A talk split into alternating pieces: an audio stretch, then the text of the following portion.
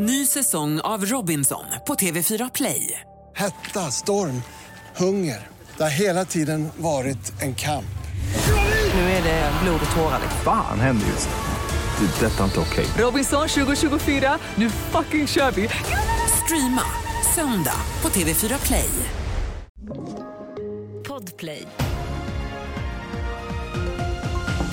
Här är senaste nytt. Ett misstänkt föremål hittades i natt utanför ett flerfamiljshus i Kallhäll norr om Stockholm. Polisen säger att bombgruppen omhändertog föremålet och man har hävt avspärrningarna men det finns i nuläget inga uppgifter om misstänkta.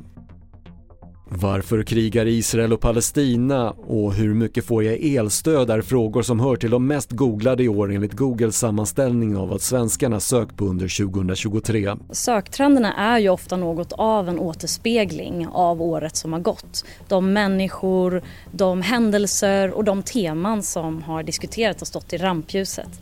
Det som sticker ut allra mest i år sammantaget är ju sökningar på kriget i Israel och Gaza.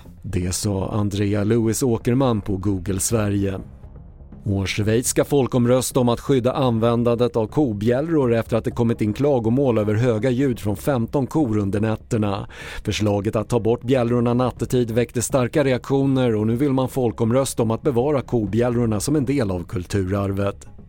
Fler nyheter finns på tv4.se. Jag heter Patrik Lindström.